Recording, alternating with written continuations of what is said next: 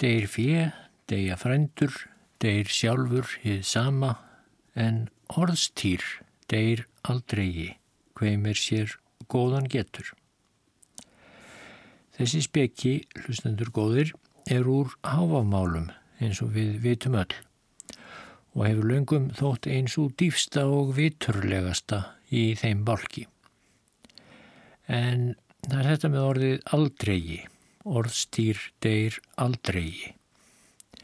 Í blábyrjun 2000. aldar hafði líklega engin annar íslenskur rittöfundur áunnið sér meiri orðstýr en Einar Hjörleifsson en hann hafði gefið út allmikinn fjölda skaldsagna sem þóttu með öðrum verkum hans svo góðar að Íslendingar voru margir á því að einar myndi brátt og kannski fyrir en síðar hljóta Nobelsvellunin í bókmyndum fyrstur Íslendinga. Ekki fór svo og þrátt fyrir einar sem tók sér að lyktum ættarnafnið Kvaran heldi áfram að gefa út þykkar skáldsögur fullar af visku eins og hann kunnana best þá er orðstýr hans nú svo sem einskísvirði, ekki sem rittuundur. Ég held að mér sé óhætt að segja að enginn lesi skáldsögur einars lengur nema þá sem námsefni í bókmyndasögu eða bókmyndafræði. Og einar er núna kunnastur fyrir að hafa aðfylst af miklum eldmóði og sannfæringu, spiritistabull sem mjög var á döfinni á Íslandi eins og sem staðar annar staðar um og upp úr aldamótunum 1900. Nú þótt orðstýr eh, einars hafi látið á sjá, orðstýr hans sem rittuundar, þá er það ekki einstæmi. Það býður margra ritufunda eins og annara listamanna og eins og margra stjórnmálamanna og margra fræðarmanna yfir leitt að falla í glimsku og dá. En það er þó fremur dapurlegur umsnúningur á orðstýr sem aldrei skal deyja að hafa verið þektur sem frábær rítuundur en vera nú fyrst og fremst kunnur sem frábærlega trúkjarn spiritisti. Já, hérna. En Einar Hjörleifsson átti sínur á getur hliðar. Hann var kunnur bladamadur á sinni tíð og vann þar ágætt starf og í þessum þætti þá ætla ég að glukka í ferðafrásögn sem hann skrifaði og byrti í bladinu Norðurlandi árið 1908 en þá hafðan bröði sér vestur um haf til Kanada. Þar hafðan áður búið lengi og reitt stýrt tveimur blöðum bæði lögperki og heimskringlu. En var nú komin heim til Íslands og uh, skrapp þessa ferðu vestur sömarið áður 1907 og hann segir frá því í Norðurlandi á þessa leið. Ég lagði af stað 10. júli með Ceres í blíðviðrum og slapp við alla sjóveiki. Ég var nokkuð þreyttur þegar ég lagði af stað og ég einsetti mér að gera ekkert annað en kvíla mig og þá meðal annars varast allar kappræður Nægur kostur þeirra hefði þó að jafnaði verið við máltíðir í skipinu. Ímsu var þar haldið fram sem ég var ekki samdóma. Engum var þar fjölist um hver óhæfa það væri að löggjöfin skipti sér nokkuð af áfengispölinu. Sömulegði sem um það, hvert megin það væri, að danski læknirinn hind heði hefði ekki verið hengtur fyrir löngu af því hann hefði verið að rannsaka hvort ekki mætti komast af með langtum ódýrara viðurværi en nú týðkast og halda að mönnum álektunum sínum um það leiti. Ennfremur var mikið um það rætt á skipinu hver Íslendingar, engum reikvikingar, séu hemjulust ágengir við útlendinga. Og loksum það að á Íslandi ættu ekki kvítir menn að búa. Ég hlustaði á þetta og ímislegt fleira af svipuðu tægi með mestu stillingu og algerri þögn. Þetta voru danskar skoðanir og ég fann enga köllun hjá mér til að skipta mér minnstu vitund af þeim. Ég hafði því ekki annað fyrir stafni en þessi venjulegu verk sem ferðamenn leggja stund á úti á sjónum, að matast, lesa ofurlítið og horfa út í sjóndeldarringin. Meðan Ísland stóð upp úr sjónum, þá var nóg að sjá, nóg að tign og nóg að fegurð í sólskininu og heiðríkjunni. En það var líka nóg af botnvörpungum. Ég taldi þá þrettán á örlittlu svæði nokkuð vestur af vestmannegjum, rétt upp í landsteinum, sínilega langsamlega flesta í landhelgi. Og ég fór að hugsa um hvort þessi fjöll myndi ekki verða konungleg eftir þrjár vikur, eins og þjóðin sem hefst við innan um þau, hvort örafajökull að minnstakosti myndi ekki fá einhvern konunglegan hefðar titil, nú þegar konungur Danmerkur yrði brátt á ferða á Íslandi. Mér fannst vel við eiga að hann yrði að minnstakosti semdur titlinum konunglegt heiminn fjall, svo að einhver svipur yrði í orði kveðinu með honum og dönskum reygin fjöllum. Og ég fór líka að hugsa um það hver þakkláttir botnvörpungarnir ættu að vera henni dönsku strandgæslu ef engir væruðað aðrir. Þakkláttir fyrir það að svo strandgæsla var bersýnilega engin. Ég kom til Líð í Skotlandi snemma morguns. Þar og í Edinborg dvaldi ég fram undir kvöld. Ég hafði komið ánga nokkrum sinnum áður og séð allt sem mér hafði leikið hugur á að sjá og þar á bóðstólum. Eh, nema eitt. Ég þóri naumast að stinja því upp innan um öll íslenska nútíðarvísindi og íslenska vitsmunni en það var nokkur skonar spákona. Ég hafði heyrt mikið af henni látið og furðulegar sögur voru sagðar af henni. Ung stúlka átt að hafa komið til hennar, sýstir Bresks manns sem mikil viðskipti hefur við Íslendinga. Stúlkan vildi láta spá fyrir sér. Konan neytaði að gera það fyrir nettur mánuð. Stúlkan sótti málið fast en konan sati jafn fast við sinn keip. Að mánuðu liðnum var stúlkan dáin. Spákonan hafði bersýnilega ekki viljað spá því fyrir henni.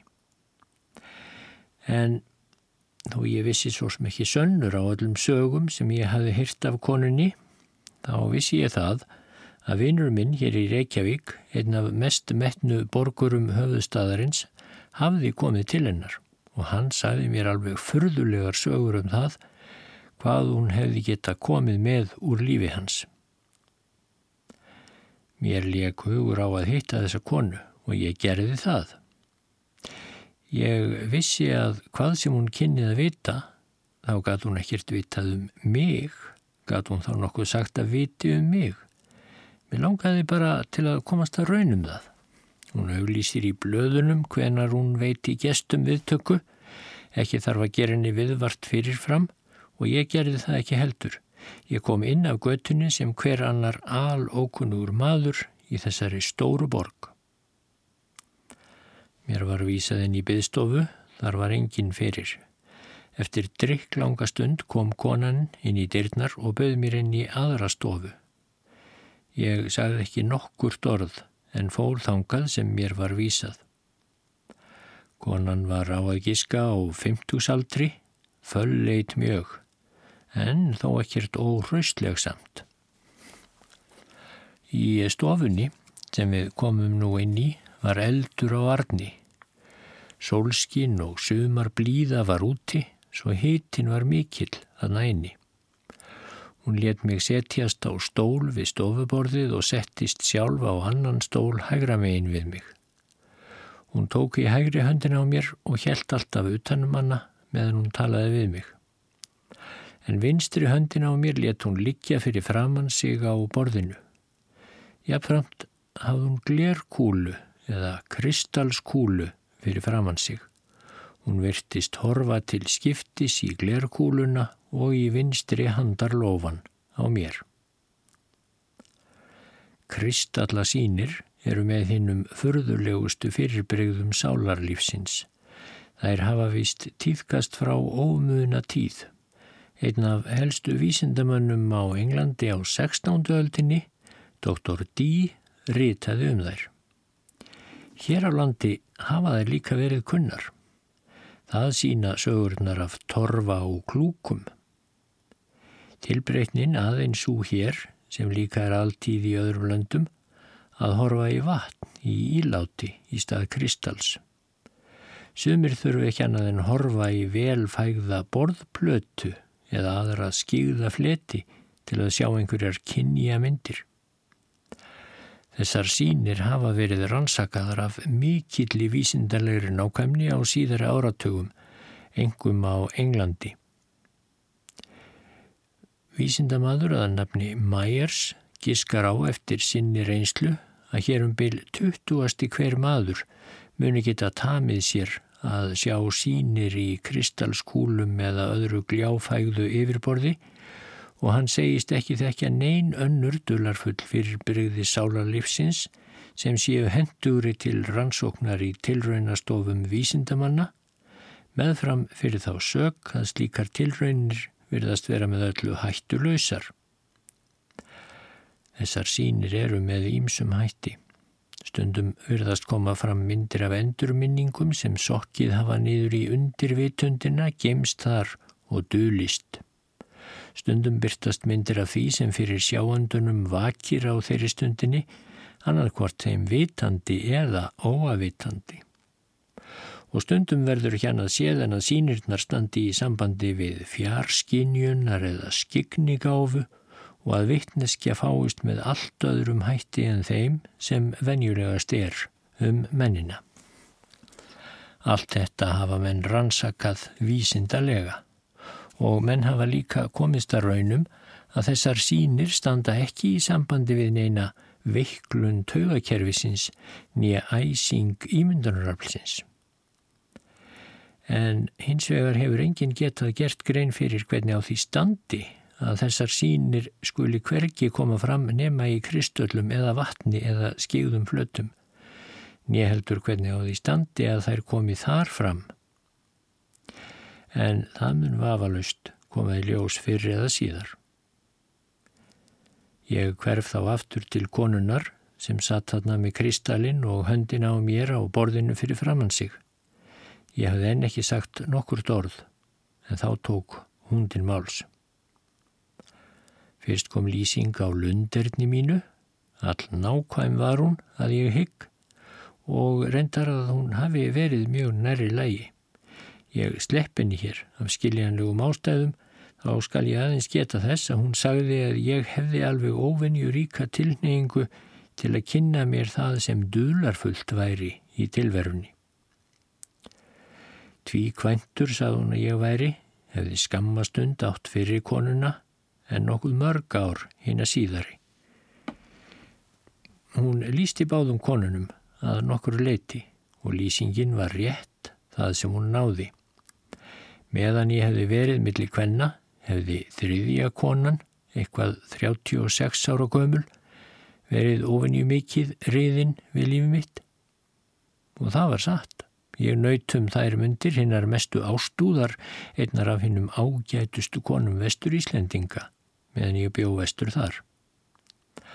Þrjú börn, saðist hún sjá að ég ætti á lífi með síðari konunni en hún gæti ekki sagt með vissu hvort þau kynnu að vera fleiri. Hún hvaðast sjá að ég hefði komið til bandaríkjana og að ég kæmi þangað bráðlega aftur. Innan sjö daga yrði ég komin út á haf. Hún saðist sjá mig á skipinu í kristalskúlu sinni. Nýlega hefði ég hætt við það starf sem ég hefði mest fengist við um æfina. Veikindi, sagði hún að kemi upp á heimili mínu meðan ég væri að heiman, en enginn myndi deyja. Um það var hún svo sansbá að sex manns lögðust á heimili mínu í fjárvist minni.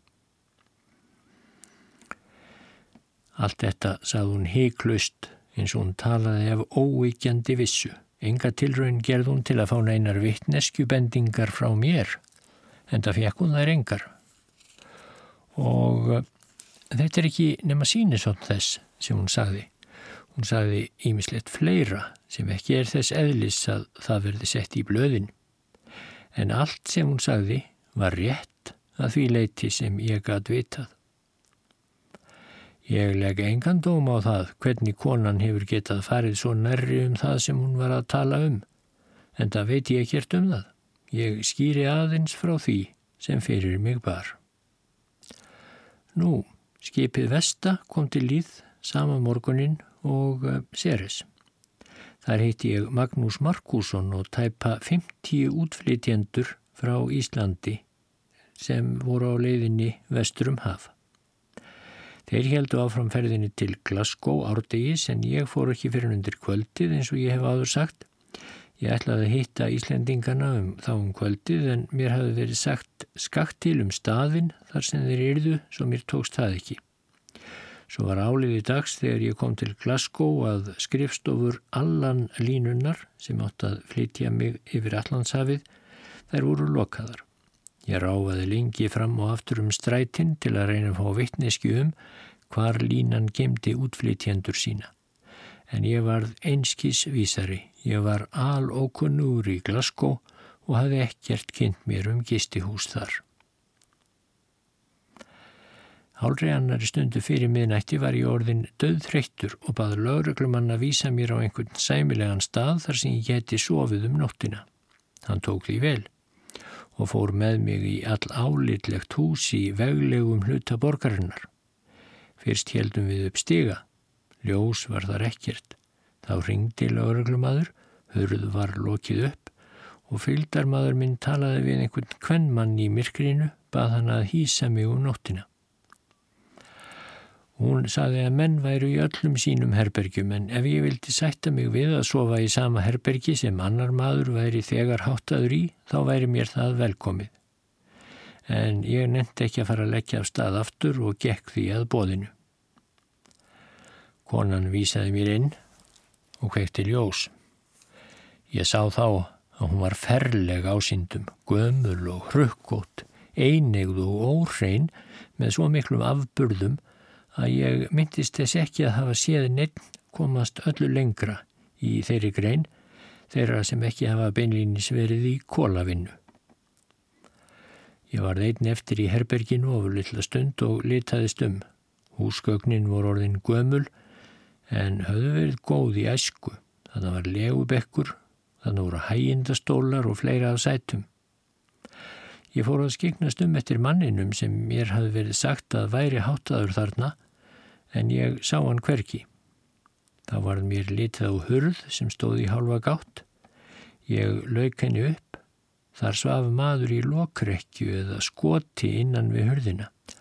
Hún var sínilega höfð opinn til þess að maðurinn skildi ekki kapna.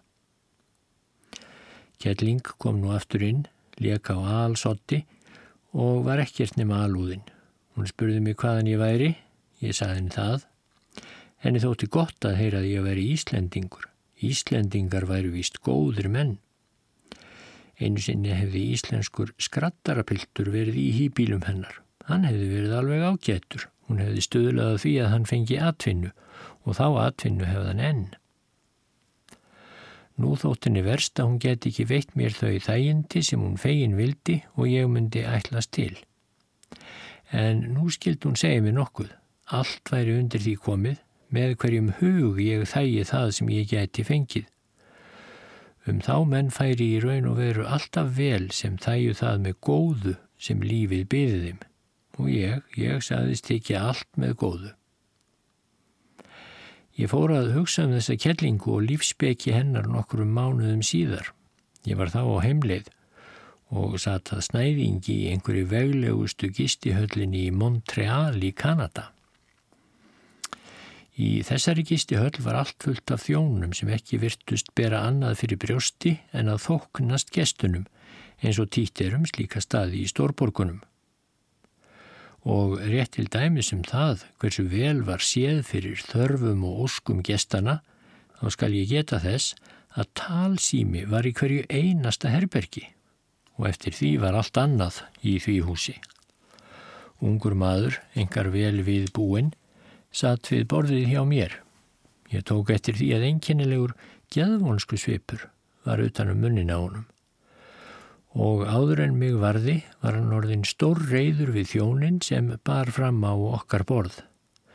Gesturinn hafi beðið um flóaða mjölk með kaffinu. Þetta hafi þjónin miskilið og komið með óflóaðan rjóma.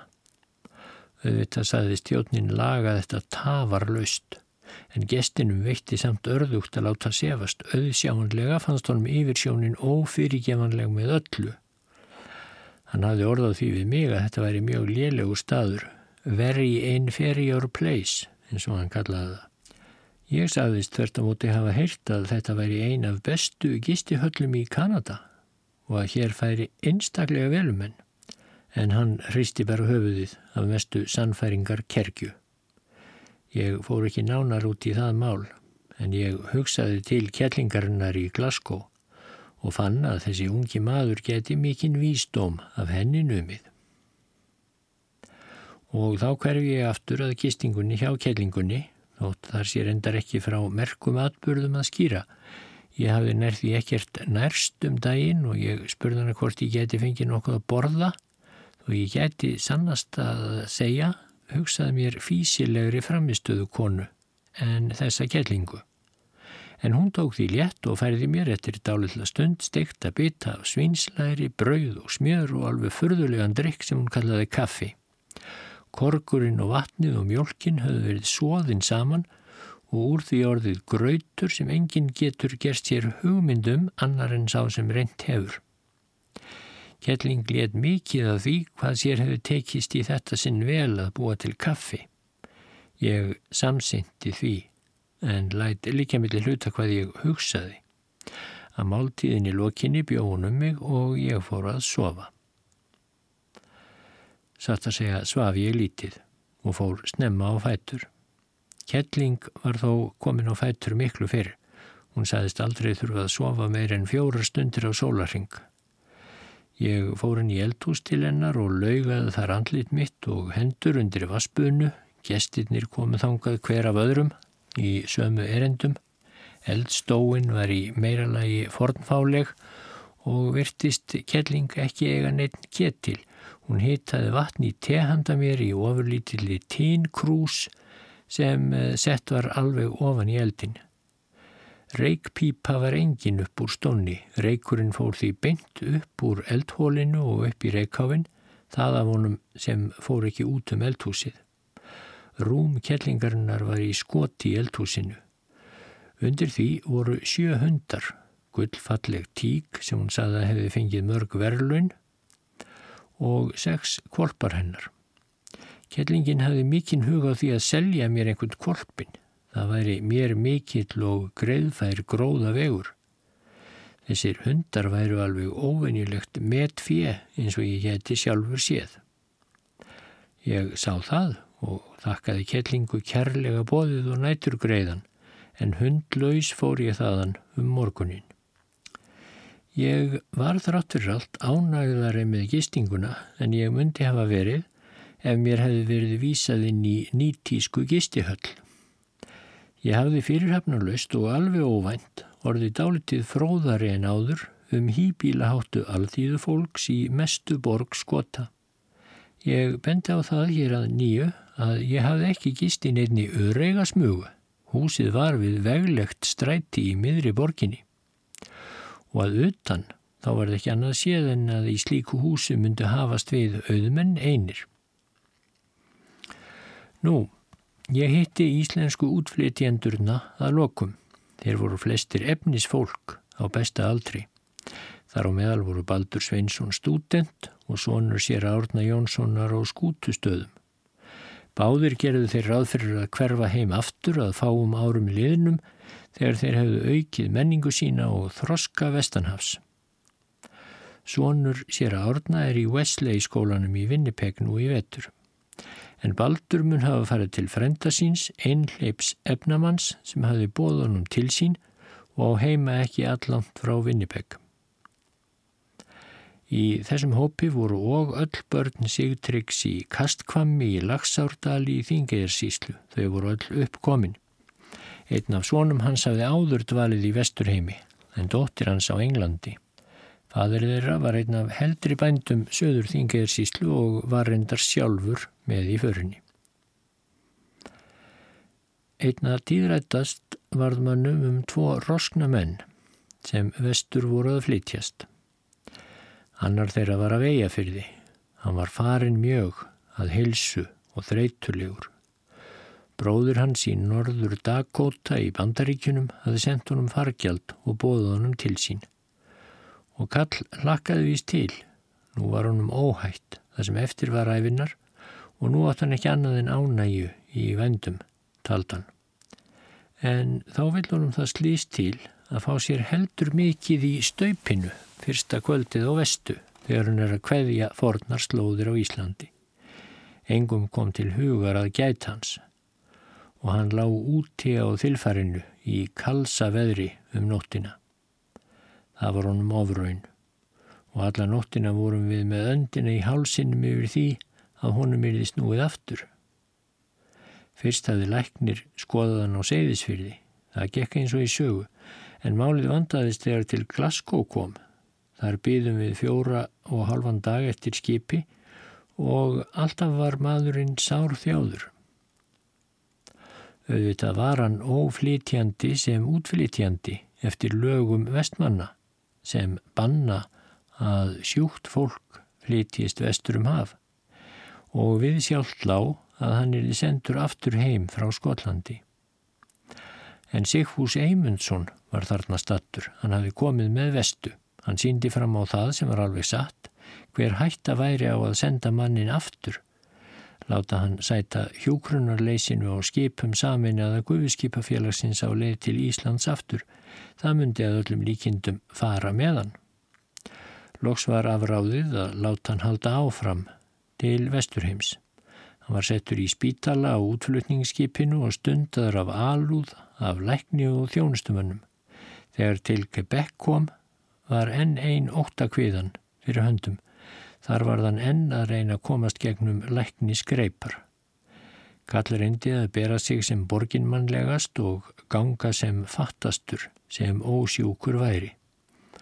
Og hann slapp reyndar út úr þeirri eldraun, en síðar um daginn svarf vanheilsan fast að honum.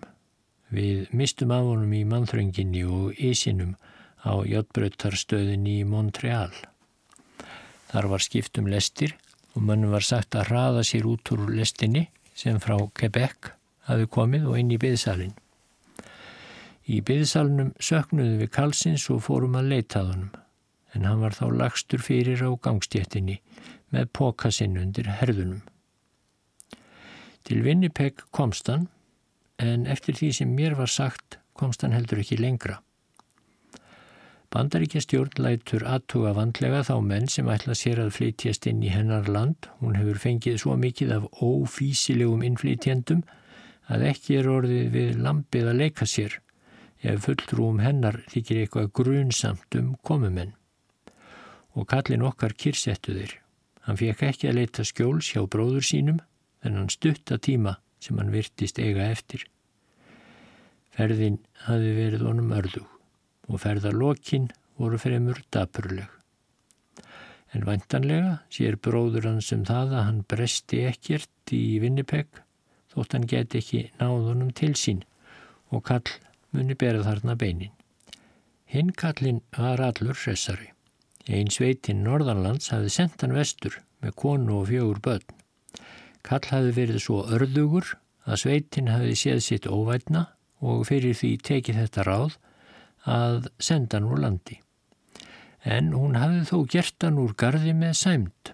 Hún hafði beðið myndar búnda vestra að veit honum viðtöku og leiðbeina honum og hún hafði búið hann út með mikinn og góðan mat og hún hafði sendt með honum þúsund krónur. Kallhessi var mikill maður vexti, dígur hvar sem á hann var litið þó engum um herðarnar og að öllu leiti stórfeldur. Honum þótti gott að vera á skipi allan línunar eins og reyndar okkur öllum. Sá vitnisspörður farþega var einróma að meðferðin öll á fólkinu um borði skipi allan línunar væri hinn ákjósanlegasta. Það eitt þótti kalli vanda og fullsælu þessa heims að brennivín var ófáanlegt. Því hafði verið afstýrt að kallfengi nokkur þess konar glaðning á skipinu. Með þeim hætti þótti af undanfarandi reynslu var mér sagt bestrygging fengin þess að allt væri með eh, kyrrum kjörum hjá honum og hann væri með friði. En þótt hann fengi ekki brennivín, fekk hann mat og maturinn þótt honum fyrirtak, en það vildi hann hafa sinn mat og engar revjar. Meðan á landferðinni stóð kunnan því hefði versta að Magnús Markusson skildi ekki láta vagnarlestina staldra við oftar en hún gerði til að kostur væri þess að fá sér nokkra næringu. Við vorum í skindilestinni sem fer frá Montreal til Kjerrahafsins því var stungið þá að kalli að vera mætti að Magnús Markusson hefði ekki fullt vald á lestinni og gæti ekki stjórna því hver oft væri numið staðar. Þetta þótti kalli hart að Magnús Markusson sem þó væri sendimaður stjórnarinnar fengi ekki ráðið því líku smáatriði. Hann hafði orðað þessu einu sinni sem oftar þegar hann satað snæðingi. Hann hafði þá meðal annars fyrir framann sig brauð og smjör, harðan fisk og hangi kjött og fleira sem hér þykir norskæti. Magnús Markusson let þess þá getið og hún virtist kall þessi ekki alveg bjargar laus. Heldur ég kalli þetta bölvað hrastl mat, svaraði kallin. Hann síndi það tvent þegar til Winnipeg kom að hann hafði ekki ávalt soltið og að varúðin sem hafði verið viðhöfð á skipinu var ekki óhyggileg. Kallin beigð þar í innflytjenda húsinu eitthvað tvo daga eftir hjáttbröytalest áfram Í Vinnipeg er gott til ölfanga og Kall hafi farið út í borgina til að fá sér ressingu. Í þeirri ferð viltistan og vissi ekki hvað hann fór. Lauruglumadur tók eftir honum, veitt honum eftirför, klappað á axlin á honum og sagði eitthvað við hann. Kallinum þótti það vera argasta hrognamál sem við sig væri talað og afskipti lauruglumanns með öllu óþorf og ískikileg og hann sjálfur alls ekki skildugur til að þóla slíkt af ókendum manni. Hann rak lauruglumanni svo ósleitilegan laurung að hann fjall við og þá let kall kníefylgja kviði. Samt fekk lauruglumadur sveigurum til að blása í pípu sína og embættis bræður hans flyktu stað. Kallin varðist knálega en engin má við margnum og leikslokk urðu skjót. Kallin var ofurliði borin og satt í játnum áður en hann varði. Næstu nótt mun hann hafa hafst við í fangilsisklefa en morgunin eftir var honum bjargað úr klípunni. Spákonan í Edinborg hafði sagt mér að innan viku erði ég komin út á haf eins og áður var sagt. Hún varð sannsbá um það. En alltaf fimm sólaringum varð ég, sem fyrir segir, ásamt íslensku útflytjandunum að býða í Glasgow eftir Jónían, einu af skipum allan línunar. Morgunin sem ég fór frá spökukellingunni með hundana sjö, þá fluttist ég í gistihús við Argælstræti, eitt af aðal vestlunarstrætum Glasgow-borgar. Skrautlegt var það vissuleg ekki, eftir því sem týtt er í stórborgum, en stórar stofur samt handa gestum, setusalur, reykingasalur og borðsalur og gisting að ölluleiti hinn viðfeldnasta og þarna var ég samvistum við Magnús Markusson, útflutningaagent og Sigfús Eymundsson, bóksala, sem var umbóðsmaður allan línunar. Sigfús Eymundsson var þarna gamal kunnugur, hann hafði gist þarna um mörg, mörg ára á ferðum sínum í útflutninga erindum. Stúlka á að giska um þrítugt stóð fyrir veitingunum á gistihúsi þessu. Hún hafði alist upp í þessu gistihúsi og Sigfús hafði þekkt hana síðan hún var ofurlítið barn. Nú var hún orðin hávaksin kvenmaður og þrekinn að samaskapi og að öllu leiti hinn konulegasta. Eðlilega vek hún engum kunnuglega að Sigfúsi en annars var hún vingjarleg og kurteis við alla. Mér er þessi stúlka engum í minni vegna svipsins sem á hann að koma einu sinni og borði í reiksalunum var stór bók Þar var gestum ætlað að rita vottorð sínum gistihúsið eins og í Valhöll og eftir vill í fleiri gistihúsum hér á landi. Eitt kvöldið fór Sigfús Eymundsson að blada í þessari bók og kallaði þá tilbín og saði skildu sína mér nokkuð. Allir sem reytað höfðu á ennsku í bókina höfðu gert það vel og kurteislega. En fjöldi af norðumönnum hafði líka komið ángað og skrifað margar og langar klausur og ýmsar þeirra voru svo ljótar og dónalegar að furðu gengdi. Alls konar óþverra höfðu norðmennir haugað þar saman. Við fórum til stúlkunnar og skutum því aðinni að bestmundi að hafa þessa bók ekki á Glámbekk. Hún leita okkur spurnar augum. Við sögðum að hitt og annað veri ljótt í enni á annari tungu en hún myndi skilja. Ég man glögt og sjálfsagt lengi eftir gremjunni og undruninni sem var á sveipnum á stúlkunni þegar henni var farið að skiljast hvað norðmenninir höfðu skilið eftir sig gremjunni út af því að hún skildi hafa látið þetta liggja þarna til sínis mánuðum saman og undruninni út af þeim mikla ruttaskap hugarfarsins sem til þess þarf að vera að rýta svona. En þeim sem kunnugt er um óþverran sem einhverjum kallmönnum þykir ánægi að skrifa á vekkina og afviknum stöðum í flestum eða öðrum löndum, þeir furða sig ekki á því að tilsíu þeir menn sem ekki láta kisti húsabækur og notaðar til slíks gamans þegar þeir geta kertað og tungu sem húsaráðundur skilji ekki. Eins og nærim á geta var stúlkan ekki seina á sér að leggja af stað með bókina og ég þóra fullir það að þeirri bók hefur engin gestur haft gaman, nýja skapraun, framar. Dagarnir liðu skjótt í Glasgow. Mannvirkin eru þar afar mikil og umhverfið skínandi fagurt.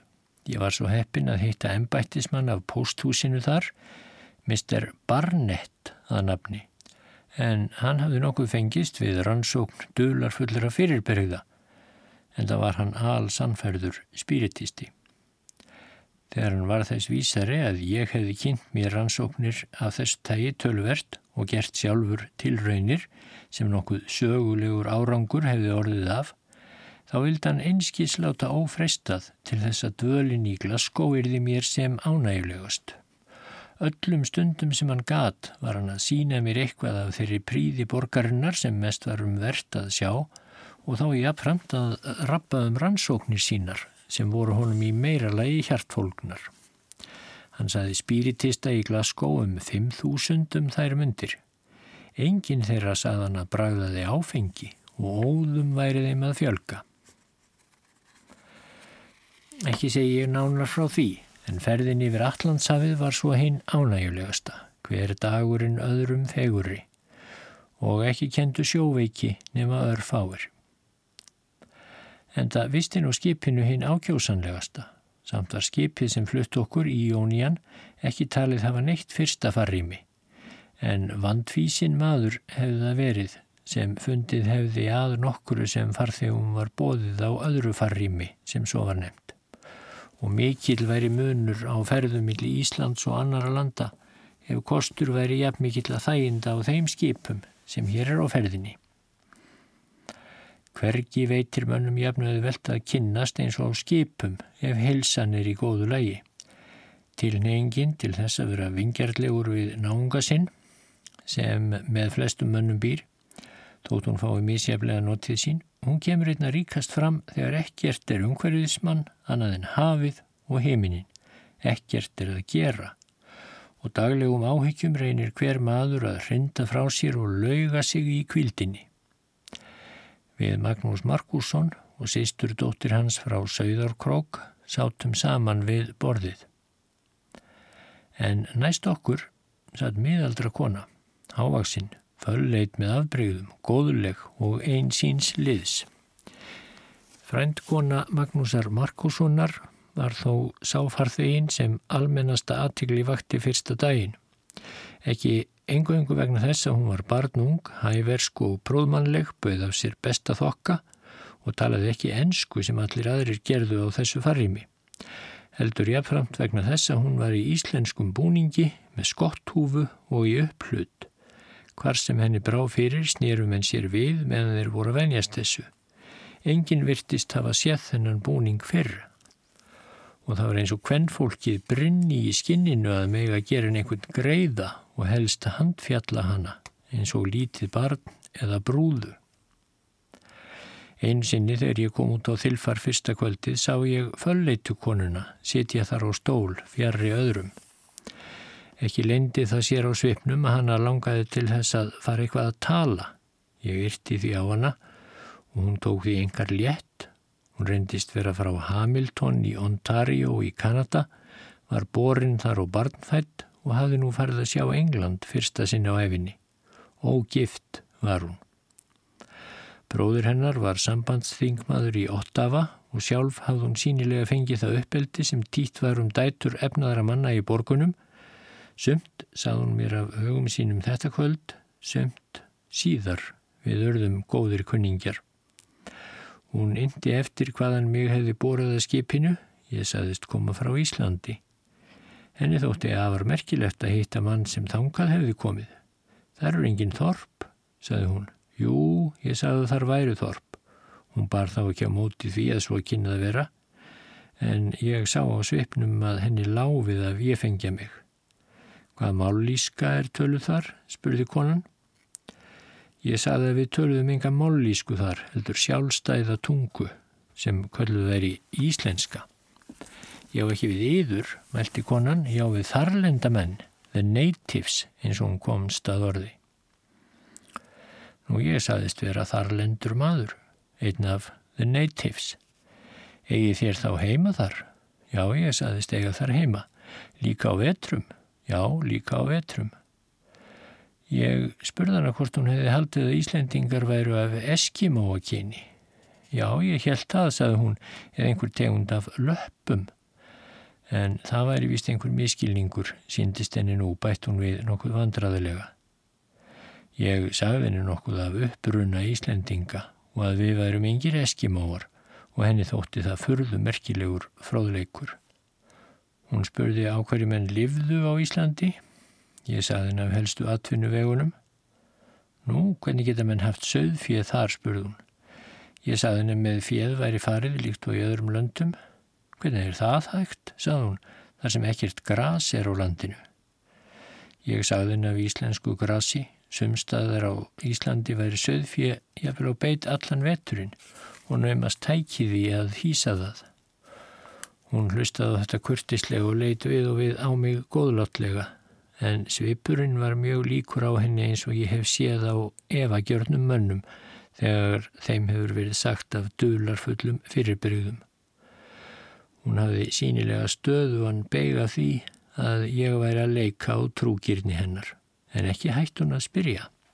Hanna langaði til að vita hvernig hýbílum væri háttað á öðru eins landi og Íslandi.